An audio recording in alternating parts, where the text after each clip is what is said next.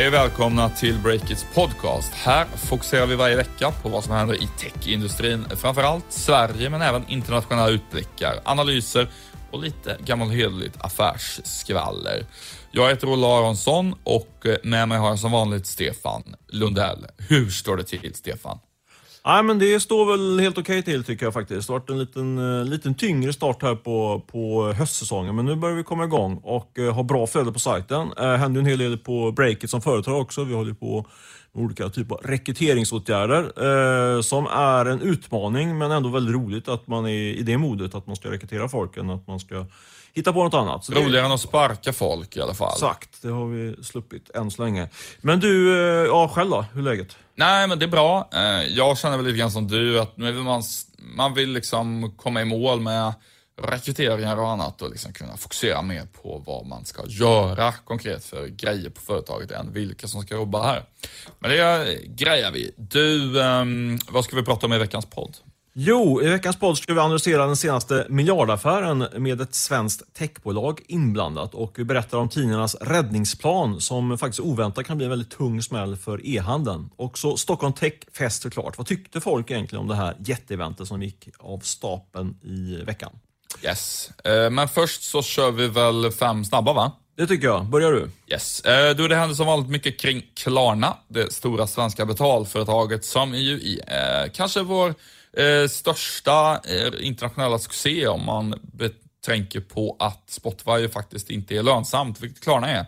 Eh, det senaste om Klarna i veckan är att de har blivit av med sin näst högsta chef. Det är finanschefen Matthew Risley som har slutat. Eh, och det avhoppet det kommer i ett eh, känsligt läge för Klarna för att Finansinspektionen väntas inom kort ge besked om de ska få något banktillstånd eller inte. Och då är det såklart surt att tappa finanschefen, precis så.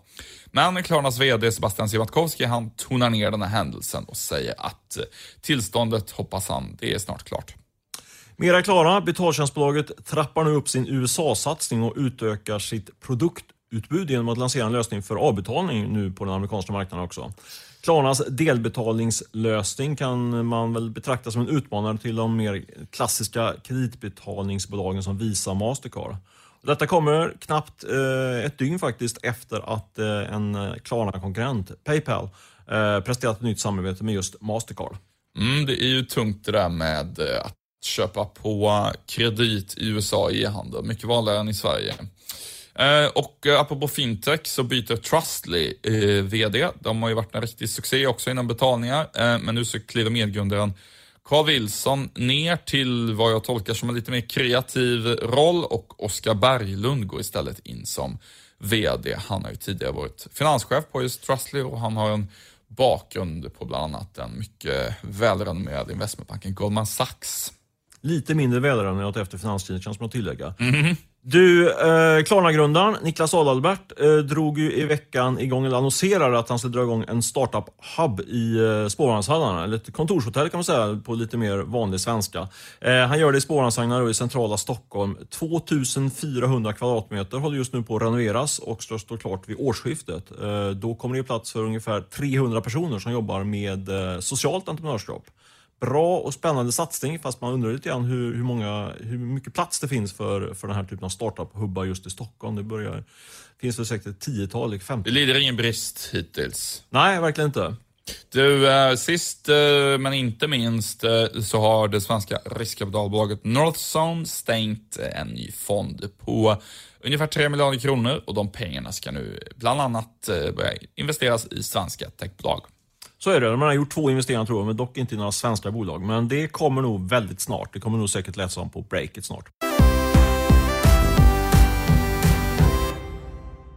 Vi har denna vecka med oss juristbyrån Jansson och Norin som sponsor. Det är ju en byrå som vi själva faktiskt måste säga har extremt goda erfarenheter av som, som uppdragsgivare, eller hur Olle?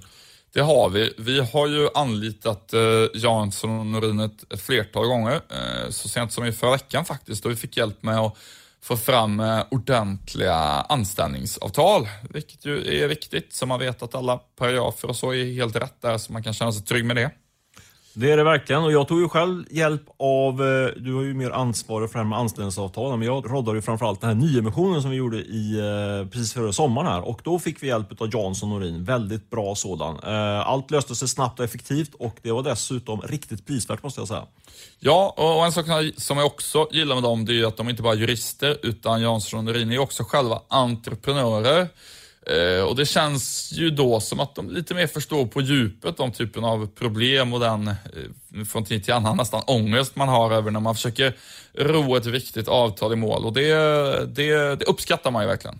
Så är det. Så har du behov av juridiska tjänster så tycker jag verkligen att du ska ta kontakt med Jansson Norin. Eh, du hittar dem enklast på webbadressen janssonnorin.se. Tack Jansson Norin för att ni stödjer vår journalistik och vår podd.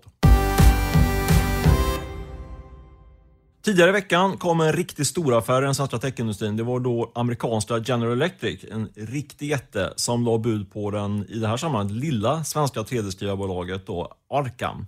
Det har ett bud värt 6 miljarder kronor och det, den aktien nu, den Arcam är börsnoterat på Stockholmsbörsen, handlas över budkursen. Så det spekuleras i att ska komma en konkurrerande bud eller att General, och att General Electric då kanske tvingas höja bud ytterligare. Eh, spännande där. Olle, du bevakar ju den här affären när kom och har också tidigare skrivit en del om Arkam. Du kan väl börja beskriva lite grann. Vad, vad, vad gör eh, Arkam? 3D-skrivarbolag beskriver de som, men förklara lite mer.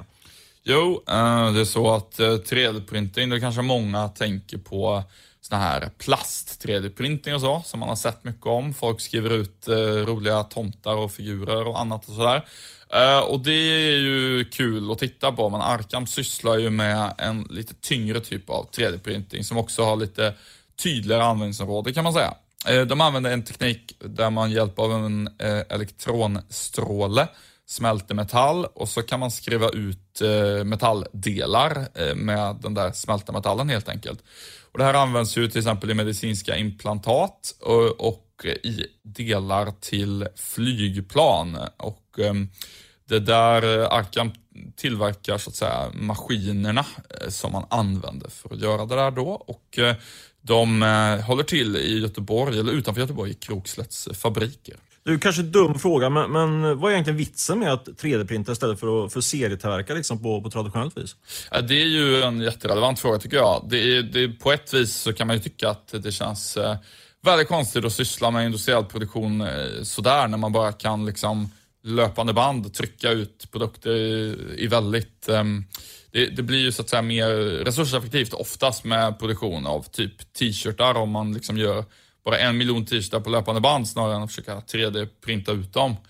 Eh, men eh, det är ju så att eh, ibland, till exempel med delar till flygplan, så behöver man kunna göra dem i väldigt små serier, typ 100 reservdelar. Och då blir det mer kostnadseffektivt att köra 3D-printing. Och sen kanske den allra största grejen, det är ju att det går att göra lättare delar, alltså delar som väger mindre och för typ flyg, eh, vilket då, det är General eh, Electrics den här eh, flygdivision som lägger bud på Arkan då. Eh, då kan man få mycket lägre bränsleförbrukning, vilket är typ det viktigaste av allt för flygbranschen vad gäller att kunna få ner, ehm, få ner kostnaderna för att flyga helt enkelt, om, om delarna väger mindre och det går åt mindre bensin.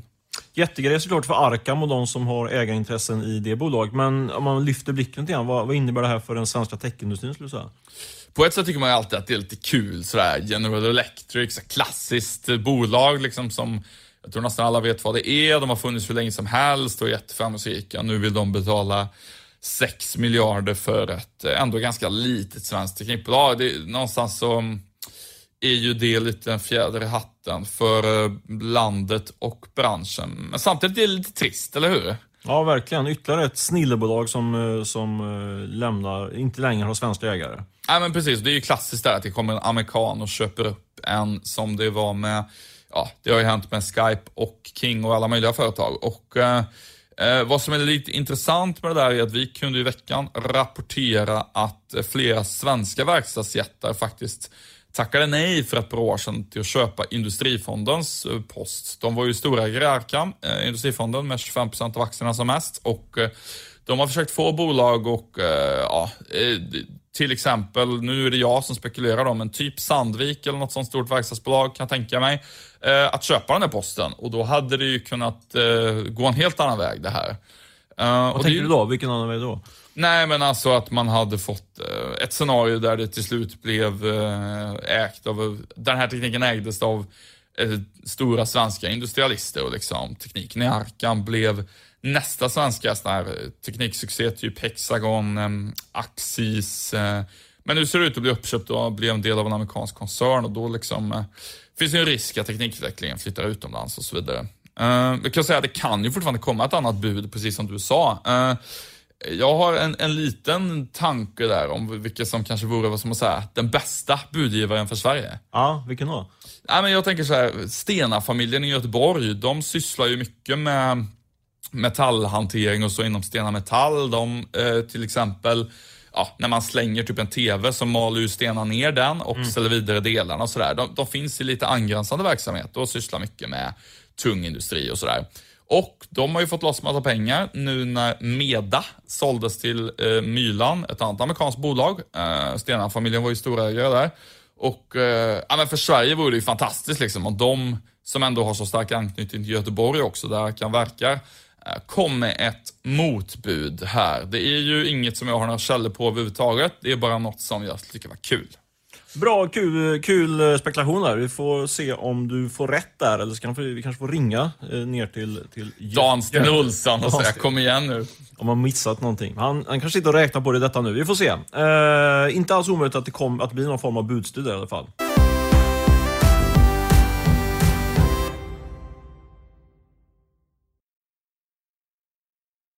Vi är glada att kunna säga att vi även denna vecka sponsras av Head Agent som bland annat hjälper snabbväxande bolag med att hitta rätt styrelse. Precis, de eh, utmanar ju det traditionella sättet att eh, tillsätta styrelse på. Och Det gör de genom att aktivt leta upp ledamöter som har eh, kompetens inom till exempel digitalisering, kundlojalitet och snabb expansion. Det här är kompetenser som eh, ofta saknas i många bolag, och, men som är nödvändiga för att ett modernt eh, företag eh, ska lyckas. Och Det är lätt att missa de här kompetenserna om man bara rekryterar från sitt eget nätverk. Så är det och det är ju då exakt vad Head Agents hjälper till med.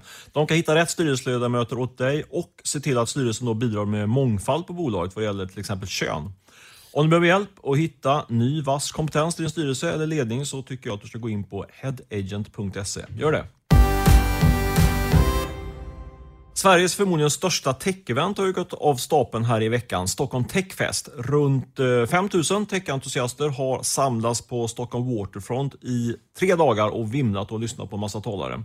Helt otroligt vilken fart måste jag säga som grundaren av det här eventet, Tyler Crowder, har fått på det här det här evenemanget. Tre år har han ju kört det, eller hur? Mm, ja, men det, han har ju eh, säkert jobbat väldigt hårt med det och eh, man kan eh, tycka mycket om det, men helt klart är ju liksom att han har, ja, men, han har ju lyckats bygga upp någonting som är, som är väldigt stort och som folk från andra länder kommer till Stockholm mm. för. Ja, men jag tycker det, den, eh, den credden måste man verkligen ge honom. Han har gjort någonting som ingen annan har gjort faktiskt. Eh, många har pratat om att borde ha ett stort tech-event, men eh, det gäller att göra det också. Det gäller att genomföra det. Det är det som är liksom det svåra.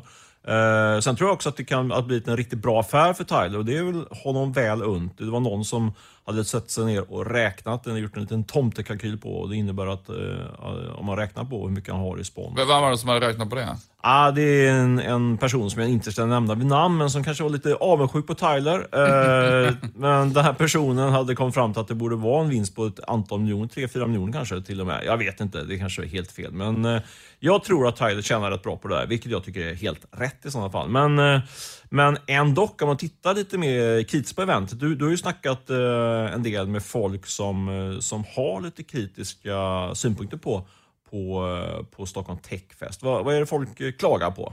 Ja, men så här, det är ju alltid svårt att eh, göra någonting tredje året. Man känner att man behöver göra förnyelse. Så var det med Stockholm Techfest nu. Eh, de körde ju den här Solutions-dagen som var en dag ägnad åt socialt entreprenörskap och sådär. Och det är väl liksom ett vällovligt försök att, att förnya sig. Och Tyler han, han avstod ett bilinköp för att han skulle kunna köra den dagen sa han. Ja, jag förstår det. Men, eh, och jag ska säga då en brasklapp. Just vi två var ju faktiskt inte där. Eh, även om flera medarbetare var där. Satt och slet i vårt anligt svett här på redaktionen. Ju... Men jag återger lite vad folk faktiskt smsade mig när de var på väg därifrån. Eh, dels vad gäller Solutions-dagen så var det många som helt krasst tyckte att det var tråkigt. Okej, okay. då. Eh, som hörde av sig. Och ärligt talat kan jag känna, det spelar ingen roll. Vad som är däremot mer Uh, lite oroande kanske för nästa års Stockholm Techfest, det är att det var faktiskt flera personer som smsade ilsket till mig under förmiddagen på första dagen och sa att uh, i princip storföretag typ Ericsson borde inte få ägna en timme typ åt att bre ut sig med sponsrade budskap som liksom inte ja, ger något större värde till publiken som ändå har betalat 2000 kronor för en biljett.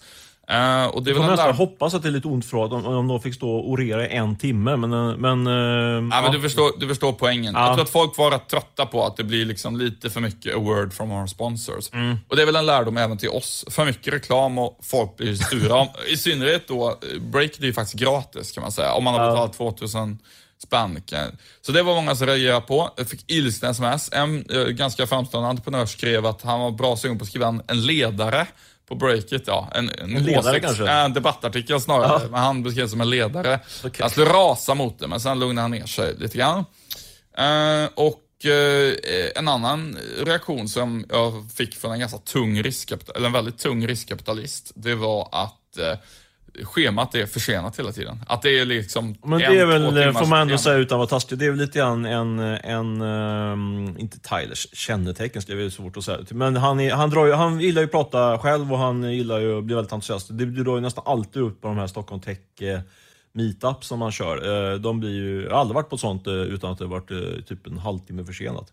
Så det, där har jag någonting att tänka på.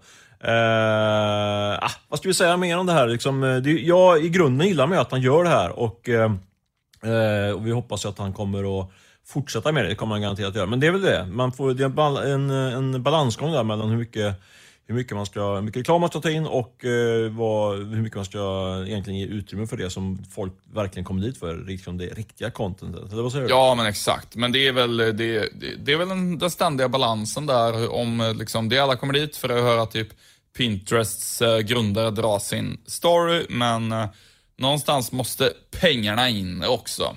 Precis. Eh, du, vi, ska, vi, vi, byter ämne tycker jag. Vi, vi ska inte prata mer om Stockholm Techfest, ett event som vi alltså själva inte var på. Nej, eh, underbetyg av oss. Nej, men vi hade ju folk på plats där såklart, så vi, har, vi hade ändå koll på det från Breakit. Eh, vi måste skala upp oss själva ibland. Du, vi ska prata eh, nu om en helt annan sak, men som ändå har eh, direkt bäring på, eh, på digitaliseringen och framförallt fokus på eh, e-handeln. ett okänt hot mot e-handeln som har dykt upp här eh, och som lär leda till en rejäl debatt. Och eh, vi tänkte faktiskt ta och släppa in vår reporter Erik Wisterberg här i studion för att reda ut vad det är som har hänt och vad som eventuellt, eh, ja, vilka följder det här kan få. Välkommen in här i studion Erik Wisterberg. Kul att du är med i podden igen, Erik. Ja, men kul att få vara tillbaka. Du, eh, jag tänkte att du skulle få berätta, vad är det för nyhet som du ska publicera på vår sajt imorgon bitti? Ja, vi kommer berätta om en grej som kan påverka alla som jobbar med e-handel, eh, det snabbväxande näringsgrenen som vi alla älskar att använda. Och, eh, det, det, handlar egentligen om, det finns en tanke om att man kan slå ihop distributionen av post och tidningar. Och det kan faktiskt få ganska negativa konsekvenser för just e-handlare. Du, eh, vem är det som, som eh, föreslår det och, och, vad skulle syftet vara med en sån sammanslagning? Ja, man får ta det från början. Det är, ju liksom, det är fint att få brev i brevlådan, det gillar vi allihopa. Men det är inte så många som skickar det längre och stora aktörer håller också på att digitalisera sin postgång och Kivra till exempel vill ju göra det. Samtidigt så är det trevligt att få morgontidningar i brevlådan men det är ju väldigt dyrt att bära ut dem. Eh, så någonstans kläcktes det en idé för ganska länge sedan om att man skulle kunna göra det här ihop. Alltså att brevbäraren skulle kunna göra både och. Och det kallas då för samdistribution. Och det skulle då kunna lösa problemen för Postnord som går med förlust och tidningsföretagen som kämpar. Just det, de två de slår ihop det och delar kostnaden och så blir det mycket billigare för båda parter. Ja, och bra för miljön också har ju vissa sagt. Eh, och det här har då tagits upp i två Eh, statliga utredningar, Postlagsutredningen och den nu pågående Medieutredningen. Så man får väl säga att man vet inte riktigt hur det här kommer bli, men, men det finns ju tongångar där kring att eh, mediebranschen hoppas mycket på det här för att kunna spara distributionskostnader helt enkelt. Just det. Så att man där från eh, Postnord går med stora förluster och eh, kanske kommer lobba för, eh, när de här utredningarna ska bli skarpa, förslag för att det ska bli av och papperstidningarna går inte heller något bra. Så alla de här kommer driva på kanske för att den förändringen ska ske. Ja, i alla fall tidningarna. Postnord verkar vara lite mer avvaktande för det här innebär ju också att deras brevbärare får jobba väldigt, väldigt tidigt på morgonen för att lyckas leverera morgontidningarna. Men Postnord har testat det här, uh, ett test i Skellefteå. Och de, det är faktiskt Postnord själva som kommer med den här varningen utifrån slutsatserna i testet. För det här visar sig, det är två grejer eh, om man kokar ner det här, som eh, den negativa konsekvensen blir. För, för e-handeln då? För e-handeln, ja. Och den ena är att om du skickar en försändelse på måndagen så kan ju den i dagsläget komma ut på tisdagen. Men för att eh, möjliggöra att eh, tidning, tidningarna ska hinna komma ut och mor, eh, posten också så skjuter man det då en dag så att den kommer på onsdagen istället. Så det blir ju då en extra dag eh, för, eh, som det tar för paketen att komma fram. Och trenden inom e-handeln är ju tvärtom. Att eh, vi vill ju kunna sitta och beställa en grej i mobilen och få den så fort som bara möjligt. Så det är ju en av sakerna. Och den andra är att i det här testet så visade det sig att man kunde leverera 15% färre paket direkt till mottagaren. För att om paketet inte går ner i brevlådan, då kan ju postpersonen knacka på och är du då hemma, då får du den i handen.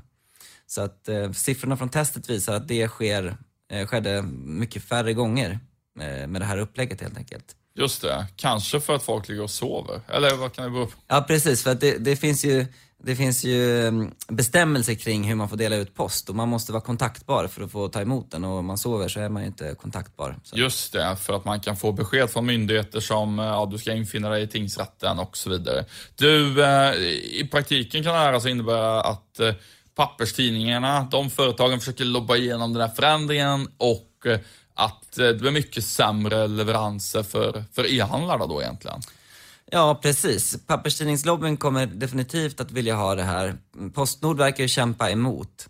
Och eh, det blir ju upp till politikerna helt enkelt att se om de vill liksom, använda det här som ett medel för att rädda den krisande papperstidningsbranschen.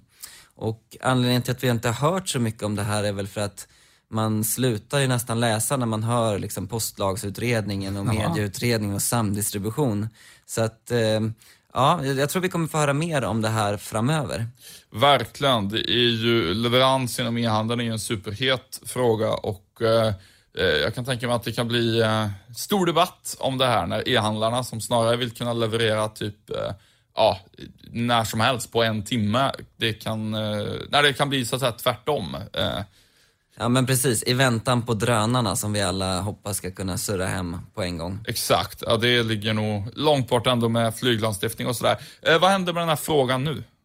Ja men det som händer är att postlagsutredningen den är lämnad och där, öppna, där kom det inga skarpa förslag. Man, man liksom konstaterar att den här frågan är aktuell och intressant. Och medieutredningen har i sin tur väntat på postlagsutredningen. Så att eh, när den läggs fram till Alice Bah Kuhnke, vår kulturminister, då får vi väl se vad som händer. Men hon som var väldigt hårt ansatt i början för att inte göra något åt mediernas situation, hon har verkligen press på sig att leverera skarpa förslag. Så att eh, vi får se. Spännande. Eh, en, vad ska man säga, en konflikt på väg att koka upp där mellan e-handeln och eh, de krisande papperstidningarna på Ja, precis. Frågan blir ju, ska, ska, man, ska man rädda papperstidningar eh, som är en bransch på nedgång på bekostnad av e-handeln, en bransch på uppgång? Innan vi avslutar eh, måste vi förstås eh, leta fram vår trognaste sponsor Miss Hosting. Det tycker jag verkligen. De har ju faktiskt relativt nyligen dragit igång ett nytt koncept specialdesignat för svenska startups. Kan inte du dra lite grann vad det går ut på? Absolut. Eh, Miss Hosting, de har satt ihop två olika startup-paket. Det är en lösning med webbhotell och en lösning med det som kallas för VPS, eller virtuell privat server. Och Det fina med de här startup-paketen, det är att de kan bli helt gratis för dig som faktiskt driver en startup. Det enda du behöver göra då, det är att eh, mm, eh, du eh, går in på Miss Hostings sajt och så beskriver du din affärsidé och skickar in till dem. Och då kan du få de här tjänsterna gratis under ett helt år. Ta chansen och ansök redan idag. Gå in på eh, www.misshosting.se sponsra så får du all info. Yes, vi kör sen en gång till. www.misshosting.se sponsra. Tack så mycket Miss Hosting. Eh, det var allt från eh, Breakits podcast eh, den här veckan. Vi ska väl tillägga också att avsnittet klipptes och spelades in på länk av Beppo ljudproduktion. Annars får ni ha det gott så hörs vi nästa vecka. Ha det bra!